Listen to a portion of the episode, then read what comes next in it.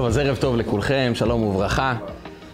האם מחשבות של אנשים עלינו אמורים להשפיע עלינו? כאשר יש אנשים שחושבים עלינו דברים לא טובים, יש לזה השפעה על החיים שלנו? האם מחשבות של אנשים אחרים הם כוח שיכול לפעול על החיים שלנו שלא לטובה? מה אנחנו אמורים לעשות כאשר לפעמים אנחנו מרגישים שיש אנשים שחושבים עלינו דברים לא טובים? אנחנו נמצאים בסוג של אווירה כזאת, שאנחנו אומרים, אנשים, יש להם מחשבות לא טובות עליי. מהי הצורה הכי נכונה להגיב לזמנים כאלו? איך אנחנו יכולים להפוך אולי גם את הסיטואציה הזאת, את המחשבות הלא טובות האלו, למשהו שדווקא מצמיח אותי, הופך אותי ליותר טוב, איך מתמודדים מול מחשבות לא טובות. והאמת היא שבפרשת השבוע אנחנו נפגשים עם המושג הזה בכל הסיפור שבין יעקב ועשו. יעקב אבינו, כפי שאנחנו יודעים, בורח מבית אביו, מבאר שבע, כי הוא בורח מאח שלו. אח שלו עשו רוצה להרוג אותו. למה הוא רוצה להרוג אותו? כי יעקב, בהמלצת האימא שלו, רבקה, לקח את הברכות מיצחק, ויצחק בסופו של דבר הודה, גם ברוך יהיה, הברכות מגיעות ליעקב, ועשו מגלה שלא נשארו לו ברכות חוץ מכמה שיצחק נתן לו בכל אופן. והוא מתנחם בליבו והוא אומר, רק אבא שלי ייפטר מהעולם ואני הולך להרוג את יעקב. זהו, זה משימת חייו של עשו. הוא רוצה להרוג את יעקב. ורבקה קוראת ליעקב ואומרת לו, לך לחרן אל אח שלי, אל לבן, תתחתן שם, ויום יבוא ואני אקרא לך, כשאני אראה שהסכנה חלפה. יעקב עוזב את בית אבא, עוזב את הכל והולך לחרן. ויצא יעקב מבאר שבע, וילך חרנה. מסבירים בקבלה ובחסידות שהמסע של יעקב מבאר שבע לחרן, מבית אבא, המקום העוטף, האוהב, הכל כך נוח, הכל כך קדוש, אל חרן, המקום שמלא כל כך בקשיים והתמודדויות, זה סיפורו, כך כתוב בקבלה, זה סיפורו של כל אחד מאיתנו. כל אחד מאיתנו בלידה הוא יוצא מבאר שבע, הוא יורד משמיים, הנשמה מגיעה למטה לעולם, אל חרן, למקום של התמודדויות, של קשיים, של מאבקים, וכאן יעקב מגלה לנו את סוד ההתמודדות מול הקשיים השונים שעשו, לבן, ובכלל המסע הזה לחרן, מציב בפני כל אחד ואחד מאיתנו. יעקב מגיע לחרן. הוא מגיע לחרן, הוא מתחתן, הוא נושא את אה, רחל, לפני כן את לאה, גם בזה רימו אותו. ואז באים הילדים. עם הילדים באה השמחה, בא ראובן, שמעון, לוי, יהודה. ויעקב במשך כל השנים חולם על דבר אחד. מתי יגיע הרגע הזה שאני יוכל לעזוב את חרן ולחזור הביתה? אני רוצה, כפי שהוא ביקש יעקב אבינו מהקדוש ברוך הוא, ושבתי בשלום אל בית אבי. אני רוצה לחזור הביתה, המקום שלי זה לא חרן, המקום שלי זה באר שבע, ליד אבא שלי יצחק. אבל יעקב יודע, אתה לא יכול לשוב לבאר שבע, כי שם נמצא עשיו, ועשיו רוצה להרוג אותך, ואתה לא מספיק חזק. יעקב מחכה לרגע הזה, שהוא ירגיש מספיק חזק, מספיק עוצמתי, מספיק מסוגל להתמודד מול עשיו ולנצח אותו. ועל הרגע הזה מספרת לנו פרשת השבוע. אשתו רחל, האישה שהוא כל כך אהב, הייתה עקרה במשך זמן ארוך. ומגיע היום ורחל יולדת את יוסף. וכך נאמר בתורה, ויהי בלדת רחל את יוסף, ויאמר יעקב אל לבן שלחני. יעקב ברגע שהוא רואה שרחל ילדה את יוסף, יש לו ילד קטן מרחל שקוראים לו יוסף, הוא אומר עכשיו לבן תשלח אותי בחזרה, אני רוצה לעזוב את חרן, לחזור הביתה, כי עכשיו אני חזק. כי עכשיו אני יכול להתמודד מול עשיו. עכשיו יש לי את העוצמה שאיתה אני אנצח ויאבק מול עשיו ויצליח במלחמה נגדו. כי יוסף נולד. וכך אומר לנו רש"י, שאמר הנביא עובדיה, שאגב עובדיה זה הנביא הקצר ביותר, זה ספר אחד, פרק אחד, 21 פסוקים, שם מתנבא עובדיה על כל המפלה של אדום, של עשיו. הוא בעצמו היה גר מאדום. וכך הוא אומר בפסוק. והיה בית יעקב לאש, בית יוסף להבה, ובית עשיו לקש. אמר יעקב אבינו, כאשר יוסף נמצא פה, יש את הלהבה, יש את התגברות האש שיכולה לשרוף את הקש, ומי זה הקש? זה עשיו. עכשיו אני יכול לנצח אותו. משנולד שטנו של עשיו, יוסף, בטח יעקב בקדוש ברוך הוא, ואמר עכשיו אני יכול לחזור. כי יוסף נולד. יוסף הוא התשובה האמיתית לעשיו, איתו אני יכול לנצח את עשיו. והשאלה הגדולה היא למה?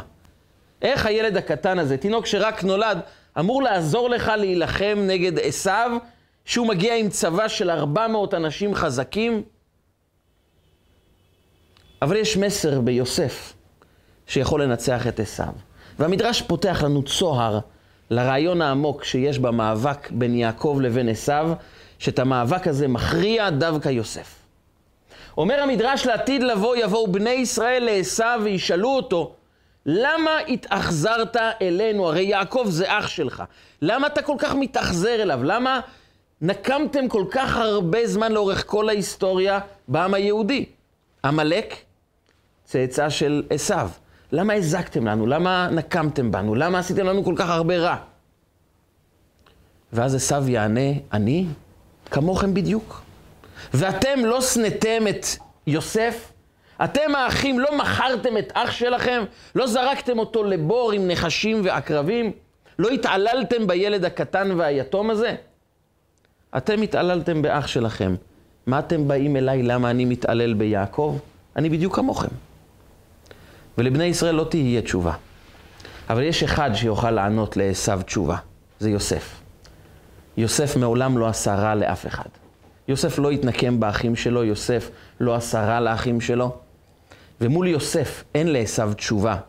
למה הוא כל כך התאכזר לאח שלו, יעקב? כך מסיים המדרש. יוסף בעצם הוא התשובה האמיתית לשנאה של עשיו, כי יוסף לא רק אחד כזה שהוא נקי מעבירות, ואחד כזה שלא נקם באחים, אז הוא יכול לומר לעשיו, למה שנאת? הנה תראה, אני לא שנאתי אף אחד. יוסף הוא בעצם התשובה האמיתית לשנאה, לקנאה, למחשבות רעות, לצורת התנהלות בחיים שאותה מייצג עשיו, אז יוסף הוא אנטיתזה. יוסף הוא בעצם התשובה האמיתית, מה עושים מול שנאה, מה עושים מול מחשבות רעות, איך מתנהלים מול קנאה, מול עולם שמתנגד כל כך. מה עושים ברגעים האלה? וכדי להבין איך יוסף עונה לעשו על השנאה שלו, איך יוסף בעצם יכול להיות הלהבה ששורפת את הקש שאותה עשו מייצג, צריך להבין בדיוק מי זה עשו. מה הוא מייצג גם בחיים שלנו, עשו. ועשו יש דבר מעניין, כמו שהזכרנו לפני כן, עשו לא הולך לבד ברחוב. יש תמיד איתו 400 איש, ו-400 איש עימו. למה הוא מסתובב עם 400 אנשים? ולמה לתורה חשוב לומר לנו, תדעו לכם שלעשו יש 400 אנשים? אז האמת היא שאת המספר 400 כבר פגשנו כמה וכמה פעמים בספר בראשית. הפעם הראשונה הייתה ברית בין הבית"רים. הקדוש ברוך הוא מפיל תרדמה על אברהם אבינו, ואומר לו את המשפט הכל כך כואב ומטלטל, ששם הוא אומר לו, ידוע תדע, כי גר יהיה זרעך בארץ לא להם, ועבדום ועינו אותם ארבע מאות שנה. יהיה לך צאצאים רבים, יהיה עם ישראל, אבל תדע, הם יהיו במצרים בשעבוד נוראי, ישעבדו אותם, יענו אותם ארבע מאות שנה. בסופו של דבר זה התקצר, זה היה 210 שנים במצרים, אבל המושג של השעבוד הוא מושג שקשור לארבע מאות. ועבדום ועינו אותם ארבע מאות שנה. כי השעבוד, העינוי שיש לנו בחיים, קשור למספר ארבע מאות. ואז אנחנו פוגשים את זה בפעם השנייה, אצל עפרון. אגב, עפרון כפי שנכתב בתורה, עין, פ', ר', נ', זה גם ארבע מאות. וכאשר הוא מגלה שאברהם אבינו מוכן לשלם כל מחיר על מערת המכפלה, מה הוא אומר לו? ארבע מאות שקל כסף ביני ובינך מאי, ואת מתך קבור.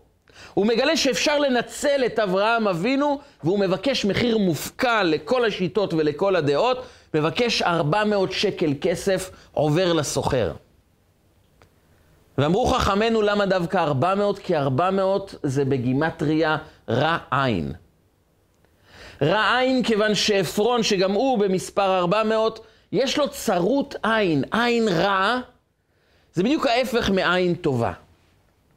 ועשו ועפרון ובכלל השעבוד של מצרים, הם מייצגים את התנועה הנפשית של רע עין, עין שבוחנת את הרע. עכשיו, רע עין זה לא רק אדם שמוצא רע בכל דבר. זה תודעה שאין מספיק לכולם. ואם אחד קיבל ואני לא קיבלתי, הוא גזל את זה ממני. וכדי שאני ארגיש טוב, אני צריך לוודא שיש לי יותר מכולם. כי אם יש אדם שיש לו יותר ממני, לא טוב לי. עשו רואה שיעקב קיבל את הברכות והוא עושה חשבון פשוט, הוא קיבל את הברכות, לי אין ברכות, אני צריך לנקום בו. וזו תודעה שמלווה אותנו משחר ההיסטוריה.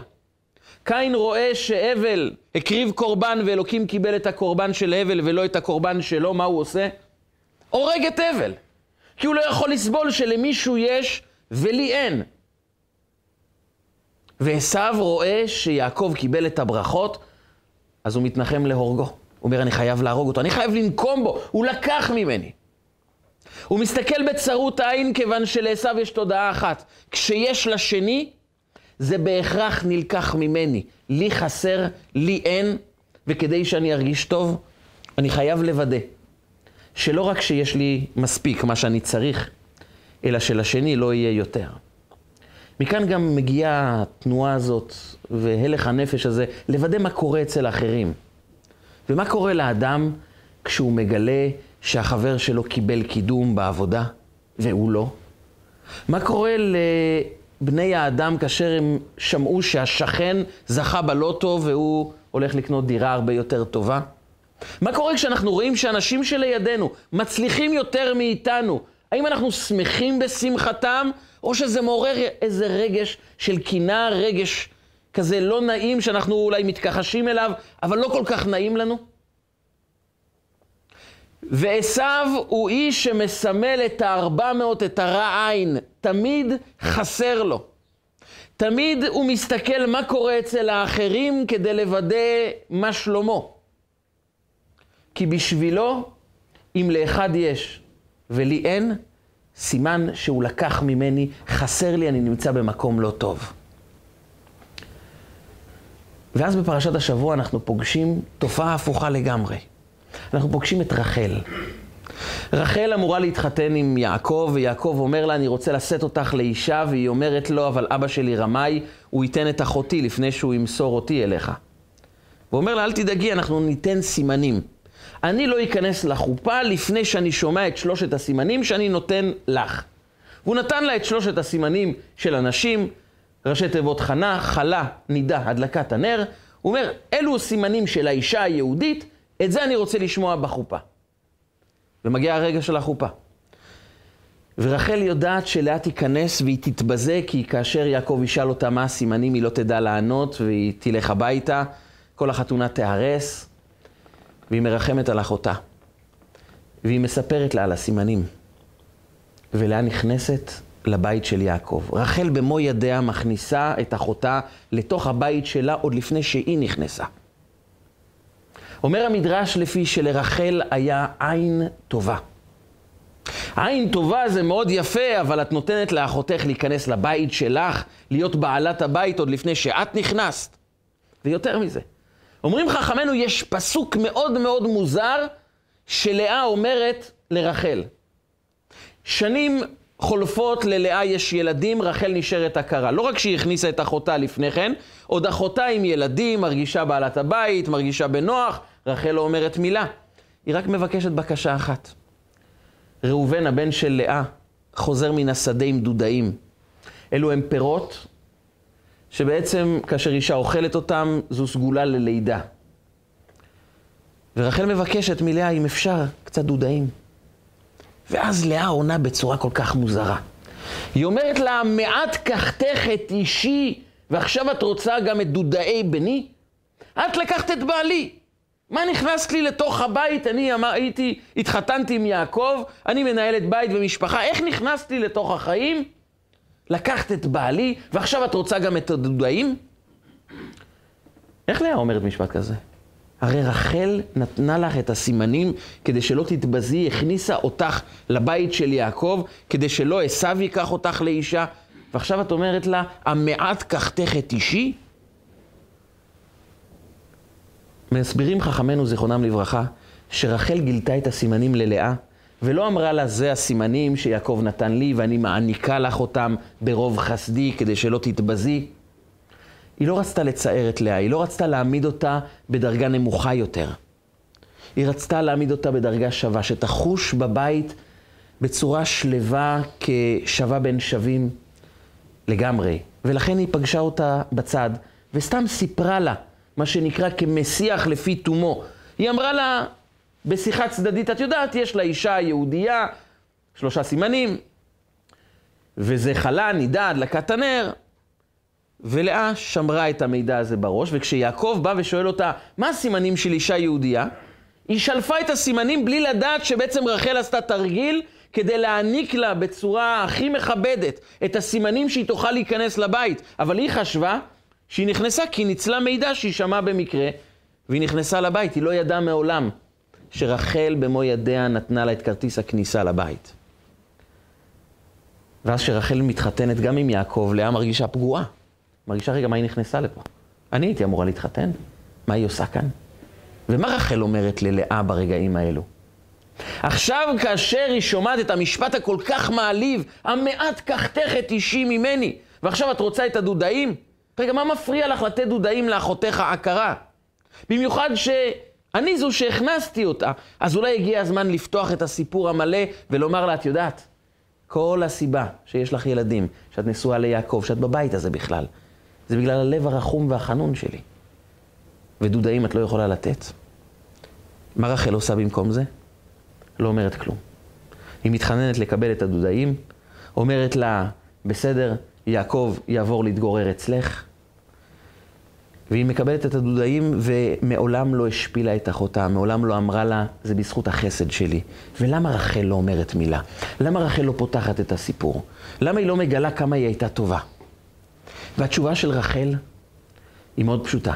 לרחל יש עין טובה. מהי עין טובה? מעולם אדם לא לוקח ממני שום דבר שמגיע לי. כל דבר מושגח מלמעלה וכל דבר שאני ראוי לו אני אקבל, ואם לא קיבלתי, סימן שזה לא מיועד עבורי. אני מעולם לא בתחרות עם אף אחד, כי השפע שמגיע לי יגיע אליי, ומה שלא מגיע לי, אני לא אקבל אותו. אני מעולם לא נזקק להילחם, להיכנס למצב רוח של קנאה, שנאה, תחרות, איומים, מחשבות רעות, מחשבות מזיקות, כי אף אחד לא מזיק לי, אף אחד לא באמת יכול לקחת ממני שום דבר. בעין טובה היא אומרת, יש מספיק לכולם, כולם יכולים לקבל. אני יכול לפרגן, אני יכול להעניק, אני יכול לתת, אני יכול לייעץ. אף אחד לא ייקח ממני שום דבר, קליינט אחד אף אחד לא ייקח ממני. אם אני רק אפרגן. טוב עין, הוא יבורך. אומרת רחל, הברכה היא טובת העין. תחלק עם כולם את מה שיש לך. אל תשמור שום דבר לעצמך. ככל שתפזר ותיתן, אתה תהפוך להיות יותר חזק. רחל לא עונה ללאה כי באמת לא נפגעת משום דבר. אף אחד לא לקח ממני שום דבר. אני לא אמור להוכיח את עצמי, אני לא אמור להגיד לאנשים, אני יותר גבוה, אני יותר מוצלח, אני יותר שווה. רחל, אצלה, כולם שווים. בטבע האדם קל לו הרבה יותר להשתתף בצערו של החבר מלהשתתף בשמחתו של החבר. להשתתף בשמחה זה לא ללכת לחתונה של הבן שלו. להשתתף בשמחה זה לשמוח באמת בהצלחה שלו, למרות שאני נשאר למטה.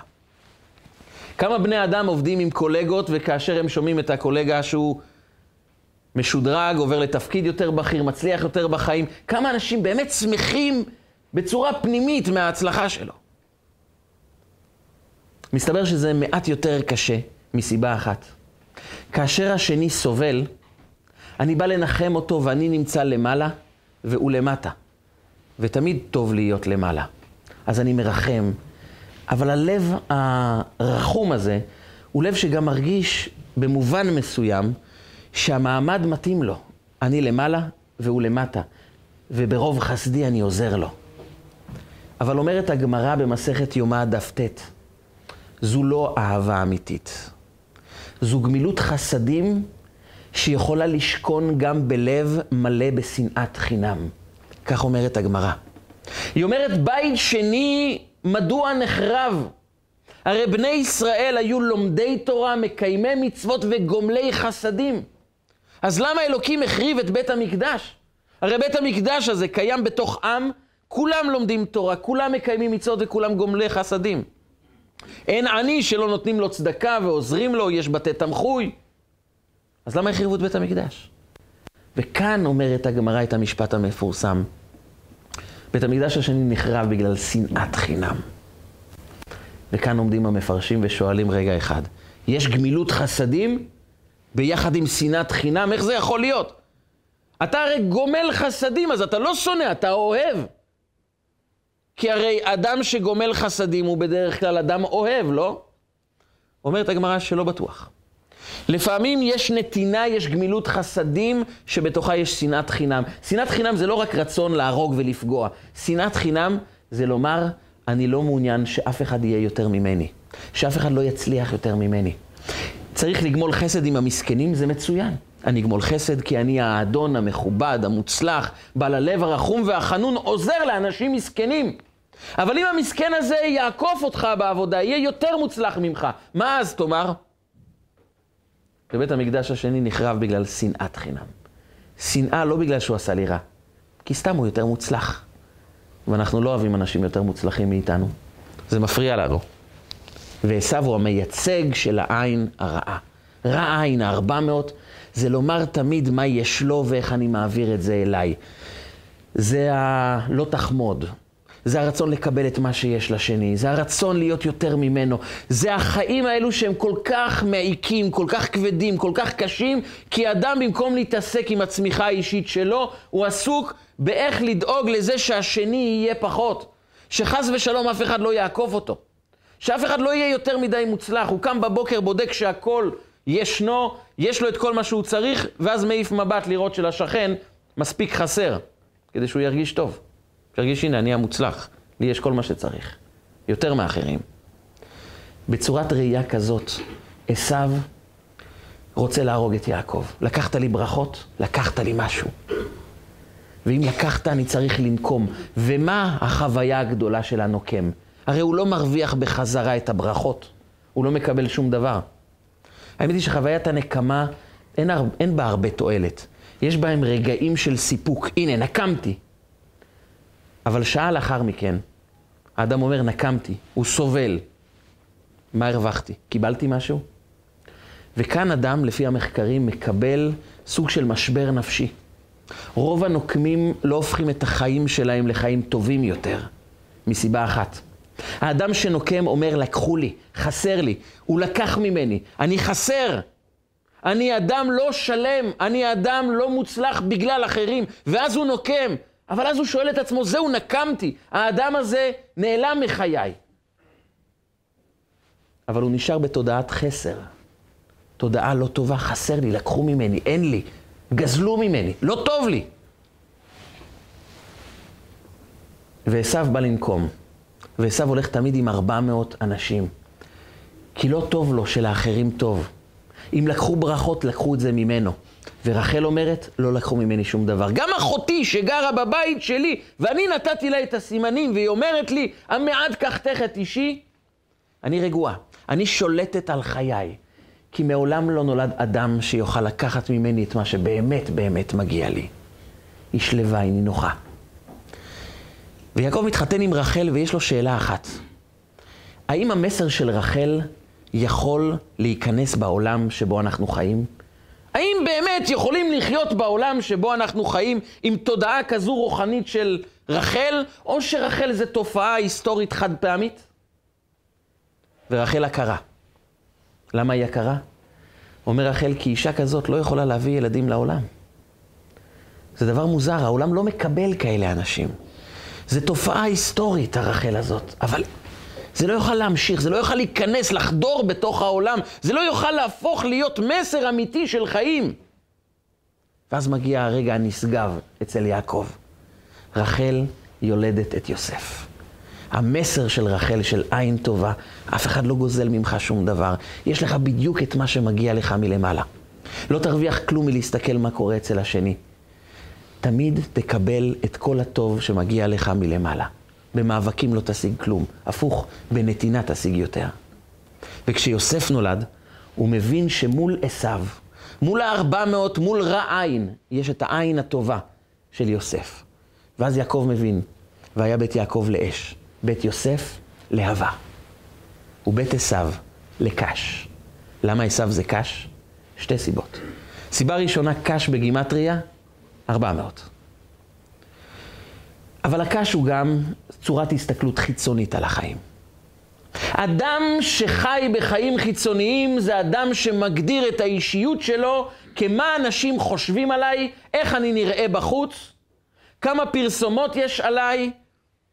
הוא מסתכל על הקש כי יש את התבואה, את הגרעינים של התבואה, שזה התוכן של החיים, ויש את הקש, את התבן, זה המבחוץ.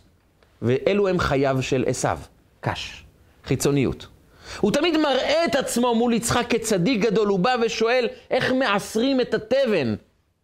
הוא רוצה לעשר לא רק את התבואה, הוא מתעסק עם הקש, עם התבן, עם הקליפות.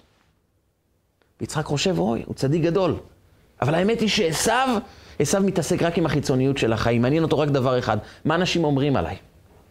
אנשים לקחו ממני, נתנו לי, הוא מסווג את העולם לאלה שנותנים לי ואלה שלוקחים ממני.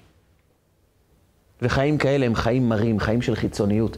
חיים שאדם הופך להיות קורבן בידי החברה. כי רק מה יגידו זה מה שחשוב. כמה לייקים נקבל, מה אנשים יגידו, מה פרסמו עליי, אבל תוכן של עבודה עצמית בחיים, זה אין לעשו. ולכן קוראים לו אדום. למה קוראים לו אדום? אז האמת היא, תמיד כששואלים למה קוראים לעשו אדום, התשובה המיידית שעולה לנו לראש זה בגלל שהוא נולד אדמוני. או בגלל שהוא היה רוצח ושפך הרבה דם. האמת היא שלא זה ולא זה נכונים. התשובה האמיתית היא, כי הוא הגיע יום אחד מן השדה והוא עייף, ויאמר אל יעקב, אל עיתני נא מן האדום האדום הזה. הוא רואה את יעקב מבשל נזיד עדשים, הוא לא מתעניין בכלל מה אתה מבשל, מה יש בפנים. הוא אומר, אל עיתני נא מן האדום האדום הזה. אותי מעניין דבר אחד, מה הצבע שלו, איך זה נראה מבחוץ. אדום? תן לי אדום. אבל תשאל במה מדובר. זה בריא, לא בריא, מדובר פה בעגבניות, בנזיד עדשים, במה מדובר כאן?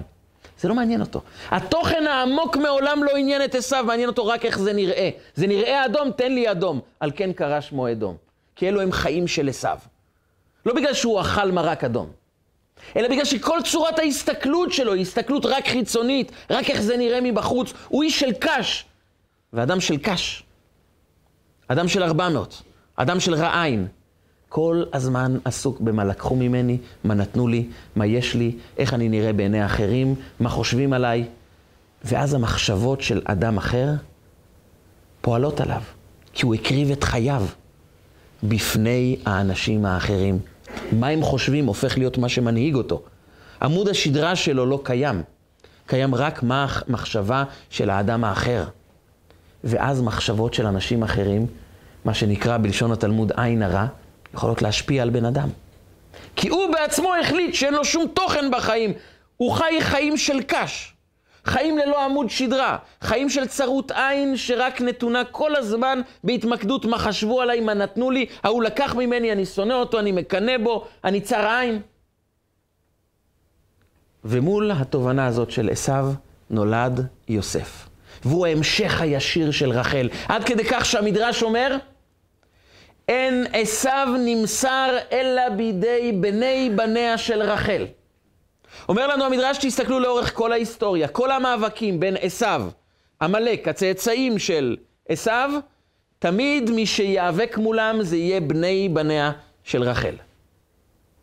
ביציאת מצרים עם ישראל חוצים את ים סוף, ויבוא עמלק ויילחם עם ישראל ברפידים. משה רבנו רואה את עמלק, וזו המלחמה הראשונה של העם היהודי. ואת מי הוא שולח למלחמה? פתאום המנהיג הגדול, משה, לא ניגש למלחמה. הוא קרא את הים, הוא הביא עשר מכות על מצרים, אתה לא יכול להילחם נגד עמלק? לא, הוא לא יכול. הוא קורא ליהושע ואומר לו, בחר לנו אנשים וצא הילחם בעמלק. אנוכי ניצב על ראש הגבעה. אני אעמוד להתפלל, אני ארים את הידיים למעלה, אבל מי שנלחם זה אתה. מדוע? אומר לו משה רבנו, יש רק תובנה אחת שיכולה להילחם נגד עמלק, הנכד של עשיו. מול צרות עין, תיתן עין טובה. מול אדם רע עין כמו עמלק ועשיו, אנחנו צריכים להציב את בני בניה של רחל, שמעולם לא קינאו, מעולם לא נקמו, מעולם לא חשבו שמישהו לוקח מהם משהו. אתה יהושע, צאצא של אפרים, נכד לרחל, אתה זה שיכול להילחם בעמלק. עד הסיפור המפורסם מול המן בן עמדת האגגי, מזרע עמלק, מי אלה שניצחו אותו? עד היום אנחנו חוגגים את חג הפורים, מרדכי ואסתר, שניהם מצאצאי בנימין, בנה של רחל. כי אין עשיו נמסר אלא בידי בני בניה של רחל, זה מסר לחיים שלנו. מול צרות עין, מול קנאה, מול מחשבות לא טובות, אדם צריך לשאול את עצמו, איך אני מתמקד בעין טובה? איך אני מתמקד בתובנה שאף אחד לא לוקח ממני שום דבר? שיש לי את כל מה שצריך מלמעלה. שמעולם לא נולד אדם שיכול לשלוט עליי, שיכול לקחת ממני משהו. אלא אם כן אני בחרתי להעניק לו את המפתח לחיים שלי, לתוך הלב שלי. אבל אם אני שומר את המפתח לריבונו של עולם, שהוא נותן לי את מה שצריך, אין לאף אחד שליטה עליי. ויוסף יוצא לדרך עם התובנה הזו. בתור ילד קטן, נקרא את זה בשבת פרשת וישלח, שבת הבאה, כולם עוברים מול עשיו, ויוסף נעמד להסתיר את אימא שלו, רחל, כדי שעשיו לא ייקח את אימא שלו, והוא מסתיר את אימא שלו, ועל זה הוא קיבל ברכה. ברכה מיוחדת. בן פורת יוסף. בן פורת עלה עין. מה זה עלה עין? אומר לו, אתה מעל העין הרעה של עשיו. אתה למעלה. למה? כי אתה לא נוקם. אתה לא מחפש את מה שיש לאחרים. גם כשהאחים התעללו ביוסף, זרקו אותו לבור. בור מלא נחשים ועקרבים. ויוסף יכול לשקוע במרירות, בדיכאון, בעצב, בשנאה, בשנאה עמוקה לאחים, איך אתם מתעללים בילד יתום? בן 17 אתם זורקים אותו לבור? מכרו אותו לישמעאלים, הוא הפך להיות עבד במצרים, ו-12 שנה בבית הכלא על כלום. מגיל 17 עד 30 הוא רק סובל, אלו השנים היפות ביותר. והוא מבלה בכלא, בסבל. ואז מגיע הרגע שהוא הופך למלך. מהפך שלם בחיים. והאחים מגיעים מולו. ואז מגיע הרגע שהוא מתגלה מול האחים, ואומר להם, אני יוסף. זה יכול להיות רגע הנקמה המתוק ביותר בחייו של אדם. אתם האחים שמכרתם אותי, ואתם תסבלו על כל מה שעשיתם לי, כי עכשיו אני המלך, ואתם תחת שלטוני. וכשהוא אומר להם אני יוסף, הם נבהלים כי הם מבינים שתכונתו של אדם זה לנקום. תכונתו הטבעית של אדם שסבל את מיטב שנותיו, הוא עבר גיהנום, התעללויות בשנים הכי יפות של החיים. הטבע זה לנקום, הטבע זה לומר, אתם עשיתם לי, אני אראה לכם מה זה. וזה רגע כל כך מתוק של נקמה, והם נבהלים, ובצדק. כי הם מפחדים. אבל יוסף בא אליהם ואומר להם, למה אתם נבהלתם? למה אתם חוששים? הוא הופך להיות המרגיע הלאומי, אומר להם, אל תפחדו, אנוכי אכלכל אתכם ואת בתיכם, אני אתן לכם בתים, אני אתן לכם מזון, אני אפרנס את המשפחות שלכם. אני יודע שהתכוונתם לרעה, אבל אלוקים חשבה לטובה. מעולם לא לקחתם ממני שום דבר. מה שהייתי צריך לעבור, הייתי צריך לעבור. איתכם או בלעדיכם. אתם בחרתם בחירה רעה, אבל זה סיפור שלכם עם בורא עולם. בי לא פגעתם. בי לא עשיתם שום דבר רע. ממני אף אחד לא יכול לקחת שום דבר. אתם יודעים למה אני שליט במצרים? כי מעולם לא נתתי לעולם, לסיטואציה, לנתונים, למה שקורה בעולם, לשלוט עליי. העולם מעולם לא שלט עליי. מעולם לא איבדתי תקווה, מעולם לא איבדתי אמון בעצמי, מעולם לא חשבתי שאני פחות, מעולם לא חשבתי שאנשים לוקחים לי משהו. ולכן הפכתי להיות מלך, כי מי ששולט על רגשותיו, לא נותן לעולם לשלוט עליו, הופך למלך בחיים שלו. ויוסף הוא השליט. הוא השליט לא רק בגלל שהוא הפך להיות משנה למלך, הוא תמיד היה שליט. בבור עם הנחשים והקרבים הוא היה שליט. הוא אמר, אף אחד לא פוגע בי, אף אחד לא מזיק לי, אני צריך לדאוג רק לדבר אחד. איך אני עושה את הדבר הנכון ביותר עכשיו? כדי להמשיך לצמוח, להמשיך להתפתח. הוא לא נוקם רגע אחד באחים שלו, כי הוא מחנך, התחנך אצל רחל, והוא גם מחנך את ילדיו בחינוכה של רחל. אף אחד לא לוקח ממך שום דבר. תהיה בעין טובה, תפזר, תיתן. ככל שתיתן, טוב עין הוא יבורך. אומרת הגמרא, טוב עין הוא יבורך, אל תקרא רק יבורך, אלא גם יברך. מי יכול לברך? מי שלא מקנא. מי שלא חי בתחושת ש, של חוסר, של קנאה, של שנאה, של מאבקים. כי הרגעים האלה חוסמים אותנו, הופכים אותנו לאנשים עם חסר, ואדם של חסר לא שורה בו הברכה. אדם שהוא טוב עין, הוא רק מעניק, אף אחד לא פוגע בו, הוא תמיד חש תחושה מלאה, תחושה של נתינה, תחושה של שפע, תודעת שפע. ואדם כזה יכול לברך כי השכינה שורה עליו, כי השפע נמצא בו, הוא מעולם לא מתנתק מהשפע. כך הוא חינך את ילדיו ברגעים הכל כך כל כך דרמטיים שיעקב בא לברך את אפרים ומנשה. והוא מניח את יד ימין על ראש הקטן, אפרים, ויד שמאל על ראש מנשה. ואבא אומר, אה, אבא יוסף אומר לאבא שלו, יעקב, זה הפוך, אתה לא רואה טוב. יד ימין על הגדול ויד שמאל על הקטן. ואומר לו, יעקב, ידעתי, בני, ידעתי. אני יודע בדיוק מה קורה. אני רוצה לשים את יד ימין דווקא על הקטן, כי הוא יגדל מאחיו, הוא יהיה יותר מוצלח מהאח שלו. ואתם יודעים מה זה לבן בכור לשמוע את הסבא בא ואומר, הבן הקטן יצא יותר מוצלח מהגדול. זה לא נעים. מה מנשה עושה באותם רגעים? כלום.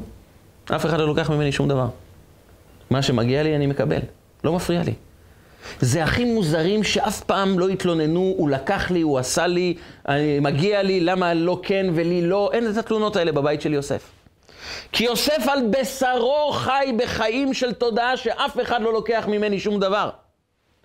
בבתים שהילדים אומרים, הוא לקח לי, הוא עשה לי, זה מגיע לי, למה לא כן ולי לא, זה כי גם להורים שלהם יש את אותן תחושות.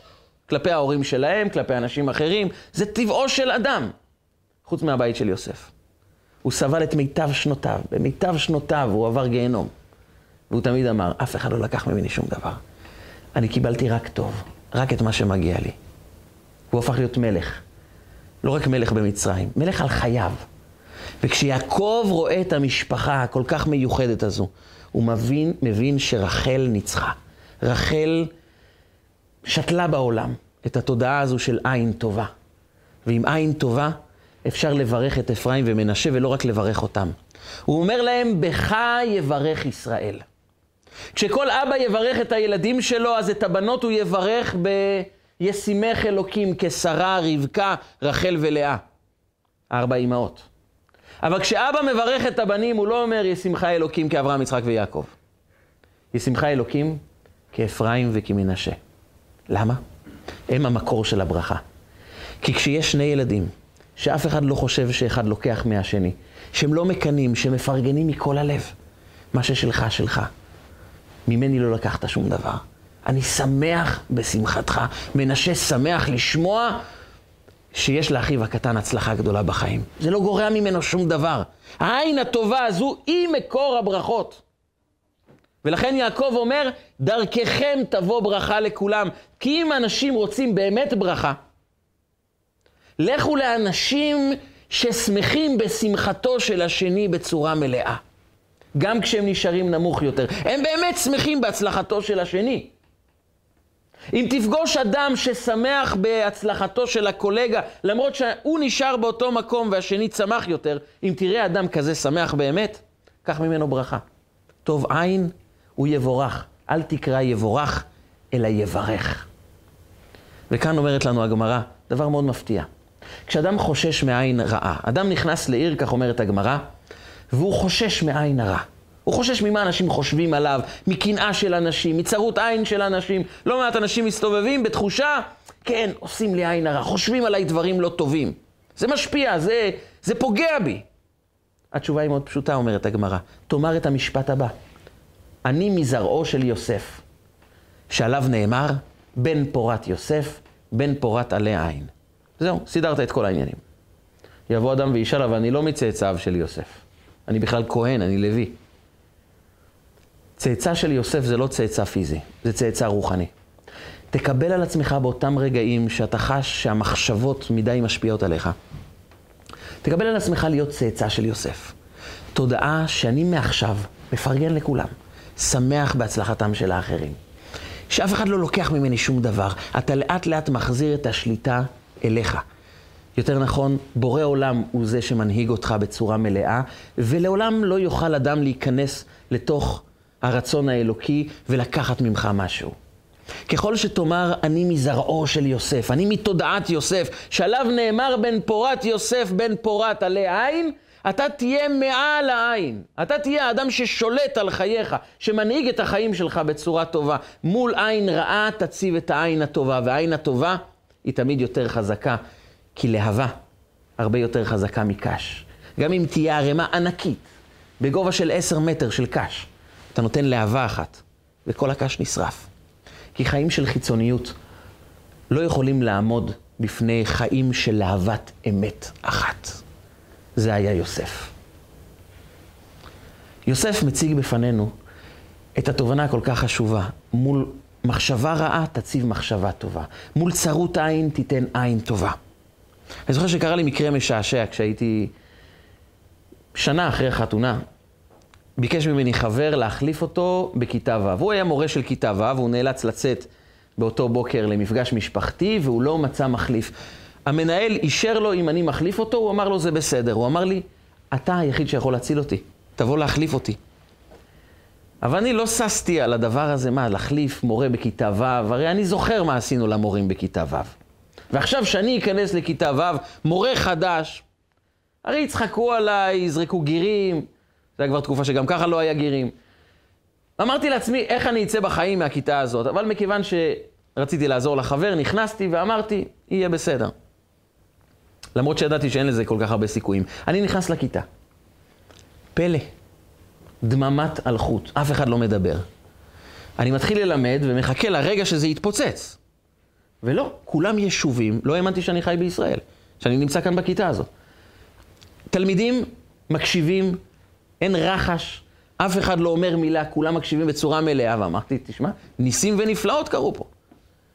לא האמנתי שיש כיתה כזאת עדיין בארץ. אחרי רבע שעה, ילד מצביע, ואומר, אה, המורה, איציק מסוף הכיתה מפריע לי.